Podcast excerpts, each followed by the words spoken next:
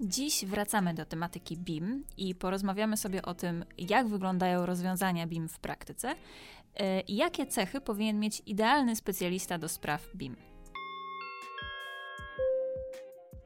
To jest podcast. Cześć, pogadajmy konkretnie. Chciałam Cię jeszcze spytać um, o Twój najważniejszy projekt, w którym ten BIM był takim kluczem do tego, do tego celu, o którym właśnie też już powiedzieliśmy. Czyli, czyli że, że gdyby nie BIM, to może by się nie udało. To, to nie tak, że gdyby nie BIM, to ten projekt by się nie udał, mhm. ale ja otworzyłem na tym projekcie taki, taki właśnie, mm, można by powiedzieć, y, projekt pilotażowy BIM, który równolegle był prowadzony do, do jakby klasycznego projektu i można było też troszkę porównywać sobie, w jaki sposób. Um, działoby się bez i w jaki sposób działoby się z metodyką BIM. Nie miałem też możliwości e, jakby narzucenia wymagań w tym projekcie od samego początku, więc dlatego to był bardziej taki, taki projekt, który rzeczywiście szedł równolegle i nie miał wpływu na kontrakt. Ale, ale była to, to, to droga ekspresowa S19, gdzie rzeczywiście mm, miałem duże pole do popisu, to znaczy dostałem mo duże możliwości, żeby, żeby przetestować różne możliwości e, właśnie takiej metodyki BIM, w tym bardzo mocny nacisk był na właśnie centralny model BIMowy, na, na, na, na centralny model BIMowy, y, który, y, który ma służyć jako jedno źródło prawdy, do wybudowania tego, tego obiektu. I, mm, I akurat u generalnego wykonawcy to działa tak, że dla generalnego wykonawcy, czyli generalny wykonawca to jest taki, taka firma, która buduje już, wykonuje roboty y, budowlane. Pracują projektanci i na różnych kontraktach różni projektanci, czyli różni projektanci działają w różnych swoich standardach. No i um, pracowaliśmy nad tym, żeby, um, żeby jeżeli jakikolwiek projektant by dla nas pracował z jakimkolwiek standardem, my przepuszczamy to przez taki filtr i, i, i generujemy swój taki model, który zawsze będzie wyglądał tak samo, niezależnie od standardu projektanta. To znaczy, na przykład jeden projektant tą ścianę E, na zielono ją robi, te cegły na zielono, bo tak akurat mu pasuje w, w jego oprogramowaniu, drugi na niebiesko, a trzeci na czerwono. To, to żeby u nas za, zawsze się wyświetlało na bordowo, tak jak ta cegła mhm. naprawdę wygląda, albo pomarańczowo. Um, i żeby, i, i, po prostu pracowaliśmy nad takim filtrem, cyfrowym oczywiście, no bo to nie chodzi o to, żeby siedzieć i zmieniać kolorki w modelu, żeby to się zadziało automatycznie. E, i, i, e, I to tak w takim największym skrócie.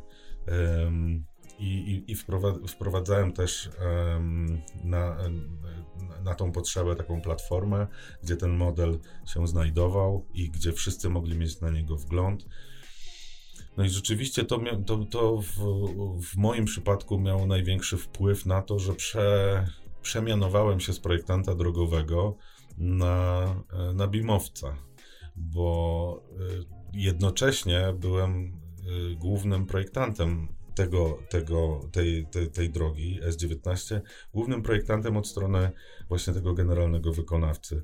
Z jednej strony pełniłem rolę tam drogowca, projektanta drogowego, E, a z drugiej strony już też BIMowca. I po tym projekcie e, już, już w tej mojej poprzedniej firmie, już, już nie byłem już dalej projektantem, już tylko zajmowałem się BIMem. E, także, mm, także od tamtej pory też zawiesiłem uprawnienia w, w Izbie ponieważ no już nie projektuję, więc nie, nie, nie potrzebuję, że tak powiem, uprawnienia są zawieszone, więc w każdej chwili mogę je odwiesić, mogę być dalej projektantem, ale, ale dzisiaj jestem bimowcem i te, tę swoją drogę kontynuuję w centralnym porcie komunikacyjnym. Mhm. I prąd tej rzeki bimowej, że tak powiem, cię ciągnie w naszym kierunku. Mówiłeś o platformie. I pytanie, co to jest za platforma, bo, bo cały czas platforma, platforma, a pytanie jakby, czy, czy możemy to nazwać jak, jakąś, jakąś konkretną, na przykład z czego korzystamy tutaj w CPK? Powiem tak, są najróżniejsze platformy i to są, y, to, to też y, trzeba chyba tutaj wyjaśnić, że chodzi o oprogramowanie no, w sieci, no można powiedzieć w internecie. Znaczy internet daje nam możliwość podłączenia się do takich powiedzmy sobie sieciowych platform, gdzie gdzie możemy wymieniać się informacjami. Chyba wszyscy kojarzą, e, nie wiem, Google i Google Drive. Google Drive mogłoby być taką platformą.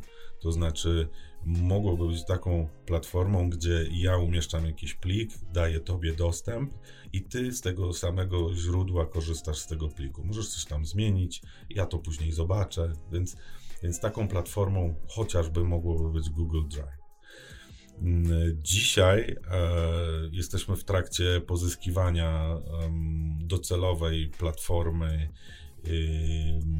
do zarządzania danymi, która to też nie można powiedzieć, że to jest tylko jedno oprogramowanie, tylko taka platforma składa się z wielu różnych e, części, z wielu różnych oprogramowań, z wielu różnych e, systemów w większości chmurowych, tak? czyli tych w sieci, tych, do których można mieć dostęp z poziomu internetu. Mm, I e, dzisiaj wszystkie stesie, dzisiaj wszystkie stesie, czyli te projekty planistyczne na, w pionie kolejowym są, są prowadzone na platformie SharePoint e, Microsoftu ale nie jest to taka czysta platforma SharePoint, tylko jest wzbogacona, ja ją nazywam platformą SharePoint na sterydach. Jest wzbogacona o, o właśnie e, takie funkcjonalności, e, funkcjonalności, które wynikają z naszych wymagań BIMowych, e, które na przykład uniemożliwiają wrzut, umieszczenie pliku w błędnej nazwie, to znaczy w dowolnej nazwie. Może tak, błędna jest możliwa, ale w, w niewłaściwej, to znaczy w dowolnej. Czyli nie mogę sobie w, umieścić pliku Michał Latała, projekt torowy. Nie ma takiej możliwości. Mamy system nazewnictwa i w tej platformie jest zaimplementowany ten system, więc trzeba odpowiednio zarezerwować sobie e, plik, nazwę pliku E, żeby móc umieścić e, tam e, docelowy plik z projektowy. Mhm. To są te kody, o których mówiłeś tak, już tak. wcześniej, tak? Że po prostu jest wrzucona, że tak powiem, lista kodów i my sobie wybieramy, że ten plik to jest, pasuje do tego kodu i tak dalej. Sobie to... Tak, zgadza się, że wybieramy, że to jest, y, że to jest rysunek, że to jest, y, nie wiem, y, opis techniczny, że dotyczy tej linii kolejowej, że dotyczy tego odcinka na tej linii kolejowej, że autorem jest CPK, czy autorem jest jakaś inna firma wykonawcza, jest, są kody dla tych autorów, więc wybieramy z listy może nie sam kod, tylko to rzeczywiście jakim jestem autorem, czy mhm. jaką branżę reprezentuję, czy czego dotyczy dokument, a nazwa sama się układa, ten kod nazwy. To jest trochę jak, jak y, kod kreskowy. Mhm. Spo, jak spojrzymy na kod kreskowy, nic nam nie powie, a wiemy też, może nie wszyscy wiedzą, ale każdy kod kreskowy, każda cyferka coś oznacza. Na przykład kraj pochodzenia ta pierwsza cyferka może oznaczać, czy oznacza to, to tak naprawdę kraj mhm. pochodzenia danego produktu. To ja mam takie uproszczone, bardzo uproszczone yy, skojarzenie z kalendarzem, choćby kalendarzem Google, gdzie można sobie oznaczyć jakąś yy, dany wpis jakimś kolorem i można sobie samemu stworzyć swój system, że powiedzmy kolorem czerwonym oznaczam wizyty u lekarza. To właśnie w takim bardzo, bardzo dużym uproszczeniu to chyba mniej więcej o coś takiego chodzi, tak powiedzmy. Tak, ja bym, ja bym tu bardziej mówił, że to jest metadana, czyli to jest dodatkowa informacja, ale, ale tak, mniej więcej o to chodzi. No kodyfikacja, każda, czy kodyfikacja kolorowa, kolorami, też, też tutaj ma odzwierciedlenie, jak najbardziej. Mhm. To tak właśnie, żeby sobie to jakoś wyobrazić. Stąd te kody, uprościć. bo to jest kodyfikacja, tak właściwie. No, no, no, właśnie, właśnie. To jest podcast. Cześć, pogadajmy konkretnie. E, jeszcze tak mm, na koniec takie pytanie e, trochę o ciebie, a trochę, trochę o BIM, to znaczy e, kim trzeba być albo nie wiem, może jakieś cechy charakteru czy zdolności, umiejętności trzeba mieć, bądź też jakie warto mieć wykształcenie, żeby zostać BIMowcem. Innymi słowy, jakby kim, e, kto może zostać BIMowcem? O tak. To bardzo ciekawe pytanie, muszę przyznać. Szczerze mówiąc, um, um, może do mnie to zaraz, e, może, może później e, wrócę, natomiast na, na moich studiach BIMowych, e, a skończyłem takie, takie studia podyplomowe mm, na menadżera BIM, pisałem pracę o rekrutacji koordynatora BIM. I, i de facto z, z bardzo mocny nacisk tej pracy nałożyłem na to, jaki ten koordynator BIM powinien być. I myślę, że tutaj idealnie się wpasuje w, w odpowiedź na Twoje pytanie, ponieważ bardzo mocny nacisk e, ostatecznie mm, w tej rekrutacji, czyli w tych wymaganiach takiego e, idealnego kandydata, ten nacisk był nałożony na miękkie kompetencje, a nie tą wiedzę BIMową de facto. I i na przykład, moim zdaniem, bimowiec powinien bardzo dobrze po potrafić przekazywać wiedzę. I to idealnie też się wpisuje w to wsparcie, o którym wcześniej mówiłem. Ponieważ metodyka BIM nie jest tak bardzo powszechna, mm, wiele osób, i tutaj mówię o osobach branżowych, słyszało, ale jeszcze nie pracowało, jeszcze nie wie. Trochę dużo projektów, więc nie ma czasu się doszkolić więc ten bimowiec będzie odpowiedzialny zawsze za przekazywanie tych informacji i jak należy to zrobić, co zawsze robisz, ale zrobić w tej metodyce BIM. To znaczy przy pomocy, we wsparciu metodyki BIM. Czyli tak naprawdę zaprojektuj to samo, co projektujesz, tylko troszkę inaczej. To znaczy zawsze projektujesz w pliku, w oprogramowaniu, tylko nazwij ten plik inaczej. Czyli jakby, ale trzeba, trzeba rozmawiać, trzeba mocno komunikować i, i, i nie można być osobą zamkniętą. No nie może być osobą, BIM koordynator nie może być osobą, która, która najchętniej to by tam sobie w swoim zaciszu pracowała i tylko tam robiła swoje rzeczy. No to musi być bardzo otwarta osoba, e, właśnie kontaktowa. Także rzeczywiście te miękkie wymagania tutaj, tutaj wyszły na pierwszy plan. A a wiedza BIMowa zawsze można ją poszerzyć, e, e, douczyć się e, w trakcie pracy. Mało tego, w CPK-u ten nasz BIM jest e, no, bardzo dopasowany do e, projektu Centralnego Portu Komunikacyjnego, całego, więc, więc jest też taki, można powiedzieć, wyjątkowy. E, więc i tak, nawet jeżeli ktoś ma bardzo mocną wiedzę BIMową, to i tak jak przyjdzie do nas, to musi troszkę się doszkolić, zapoznać się z tymi wymaganiami, które my stawiamy. E, więc, więc i tak tę, tę wiedzę trzeba pozyskać dodatkowo i tak. To akurat mówię o CPK-u, ale, ale tak jest też, też może być wszędzie, wszędzie, w każdej pracowni projektowej, czy u generalnego wykonawcy, czy u innego zamawiającego. Dzisiaj w Polsce nie mamy jednego standardu BIMowego, więc jednak tutaj mocno pracujemy nad tym, żeby, żeby wypracować swój standard, aczkolwiek ja bardzo mocno korzystam z tych e, wypracowanych już dokumentów, e, e, które są w Polsce wypracowane.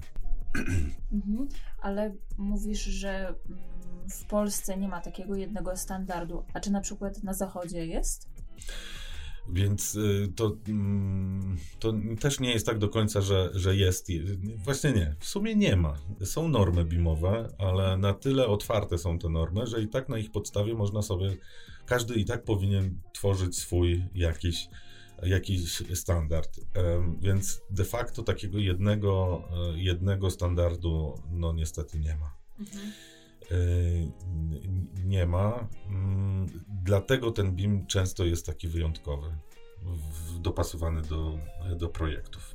Wydaje mi się, że to też jest e, trochę domena naszych czasów, e, w takim sensie, że to jest też stosunkowo nowe, e, więc też dość plastycznie ulega bieżącym zmianom związanym z tym, że no, te nowe technologie cały czas się rozwijają, cały czas są nowe, więc cały czas to, to się zmienia, więc musimy wprowadzać jakieś innowacje i tak dalej, więc wydaje mi się, że tutaj ten BIM trochę idzie e, jakby równolegle do tego, co się dzieje w tej cyfrowej rzeczywistości, która nas otacza. Zdecydowanie tak. I tutaj, i tutaj mogę przejść do, do tej drugiej części e, pytania, to znaczy ta innowacja. Wydaje mi się, że jeżeli chodzi o moją osobę, ja zawsze byłem, byłem, e, mm, nie chcę używać słowa, że byłem mocno innowacyjny, ale, ale bardzo mnie to zawsze interesowało. Wszelkie nowe technologie, Nowości. wsze- Mhm. nowości. Mm, Od najmłodszych lat miałem komputer w domu, więc I rozkręcałeś go na... prak- nie, nie, może nie rozkręcałem, bo bym go nie skręcił, bo, bo nie, że tak powiem, te części mnie nie interesowały, ale system operacyjny Mhm. można powiedzieć, że rozkręcałem na części pierwsze. E, więc e, wchodziłem w jakieś pliki, gdzie pewnie nie powinienem wchodzić e, systemu operacyjnego i patrzyłem, co tam jest, bo, bo strasznie mnie to interesowało, jak to działa i, i dla, jak te okienka wyskakują i w ogóle.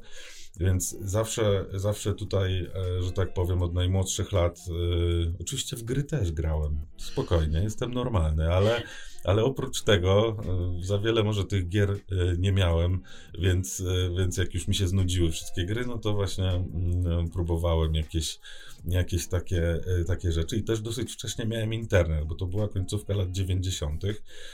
I, I rzeczywiście od razu komunikatory. Więc tutaj też ta komunikacja przez internet, czyli komunikacja, przekazywanie informacji, gdzie y, powiedzmy komunikator, dzięki któremu właśnie w latach 90. połączyłem się ze Stanami Zjednoczonymi z jakąś dziewczyną. To było dla mnie niesamowite po prostu, że, że mogę teraz nagle rozmawiać z kimś ze Stanów Zjednoczonych.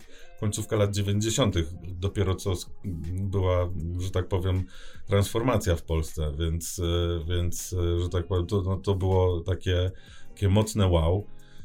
Mm, No i, i dzisiaj jak na to patrzę, no to rzeczywiście e, komunikacja na takiej platformie do wymiany dokumentacji budowlanej też jest bardzo ważna, żeby, żeby czasami ta komunikacja była bezsłowna. Ta komunikacja powinna być też nie tak, że za każdym razem cokolwiek zrobimy, to później jeszcze maila musimy wysłać. Właśnie powinno tak działać, że jak cokolwiek zrobimy, to automat poinformuje osobę, która ma być poinformowana o tym, co, że już coś zrobiliśmy. Mhm. Więc, więc rzeczywiście ta komunikacja tutaj, e, ym, że tak powiem, od samego początku przekazywanie informacji drogą cyfrową była, była mi bliska. E, ale, ale też przyznam, że tego wymagam od, od, od moich pracowników i, i od. I, I na rozmowach rekrutacyjnych też bardzo mocno o to pytam, czyli o ten, o tą sferę innowacyjności, o tą sferę rozwojową, o tę sferę e, zaciekawienia tego cyfrowego. I to jest dla mnie też zawsze bardzo ważne. Mhm. Więc, e, że tak powiem, mówiąc nie po polsku, friki cyfrowe są mile widziane. Tak jest. Czyli dobry bimowiec musi lubić komputery, ale nie może być takim, za przeproszeniem, nerdem siedzącym w pokoiku i tylko grającym sobie gdzieś tam w grę. Dokładnie tak. Okej, mniej więcej jakby czuję, czuję to. A jeszcze tak mi przyszło do głowy, yy, bo sam jesteś tego przykładem, to znaczy, że ty byłeś projektantem i zostałeś bimowcem. Mm, ale czy na przykład myślisz, że osoby, które zajmują się innymi rzeczami, to znaczy nie tyle samym projektowaniem, no bo umówmy się, że to jest dosyć bliskie em, temu modelowaniu cyfrowemu, ale że powiedzmy, że ktoś siedzi w cudzysłowie w tematach kolejowych, ale nie jest projektantem, zajmuje się jakąś tam inną działką, to czy myślisz, że właśnie te umiejętności miękkie, y, że załóżmy ktoś jest komunikatywny, umie przekazywać wiedzę i po prostu zainteresuje się tym BIM-em, czy to wystarczy, czy ta osoba też jednak merytorycznie no, musi mieć jakieś pojęcie? wydaje mi się, że no, na, na pewno musi mieć jakieś pojęcie. To nie może być osoba, która tylko jest komunikatywna, bo mhm. jednak podstawy budow w budownictwie musi mieć ale nie, nie musi być to projektant, nie, nie jest to czy kierownik budowy, czy inżynier budowy, czy geodeta, czy nie, ale jednak pojęcie o procesie budowlanym musi być. Mhm. I, i, I, też no, ja wiem z mojego doświadczenia, że im więcej osoba była w procesie budowlanym, tym i im bardziej się interesowała tym BIM-em, tą sferą tej innowacyjności, tej, tej cyfro, tego cy, cyf, cyfryzacji, e, tym bardziej Łatwiej jest pewnie. Łatwiej zdecydowanie zrozumieć cały proces, wesprzeć w całym procesie. E, bo jeżeli kogoś nie było w tym procesie, to nie zrozumie potrzeb. Metodyka BIM jest wsparciem, nie jest BIMem dla BIMu, nie jest BIMem dla BIMowca, jest BIMem, który jest metodyką, która wspiera proces budowlany, więc trzeba mieć pojęcie o tym procesie budowlanym, żeby móc go wesprzeć. No tak, oczywiste. Teraz jak o tym mówisz, to tak, to faktycznie jest to bardzo oczywiste. E, no miejmy nadzieję, że, że tego wsparcia u nas będzie dużo bo jednak projekt jest ogromny. Nawet nie projekt, tylko projekty w, w, tej, w tej wielkiej inwestycji. E, no ja bardzo wierzę, że, że to się uda i że, że, że dzięki, dzięki BIM-owi między innymi i dzięki temu, że mamy osoby, które mają pojęcie i umieją to wszystko ogarnąć, przede wszystkim potrafią też nauczyć innych, e, to, że, że, że jest to jak najbardziej realne. Bardzo Ci dziękuję za rozmowę. Ja przypominam, że, e, że wszystkie osoby zainteresowane mogą z nami kontaktować się przez skrzynkę pocztową, mailową właściwie podcasty małpa.cpk.pl, gdzie możecie wysyłać e, swoje pytania, swoje sugestie na temat tego, mm, o czym chcielibyście posłuchać i jakie, jakie tematy Was interesują. E, no cóż, bardzo dziękuję za wyczerpującą rozmowę i może jeszcze do usłyszenia. Bardzo dziękuję również i do usłyszenia. Rozmawiała Zuza Krawczyk. To był podcast Cześć, pogadajmy konkretnie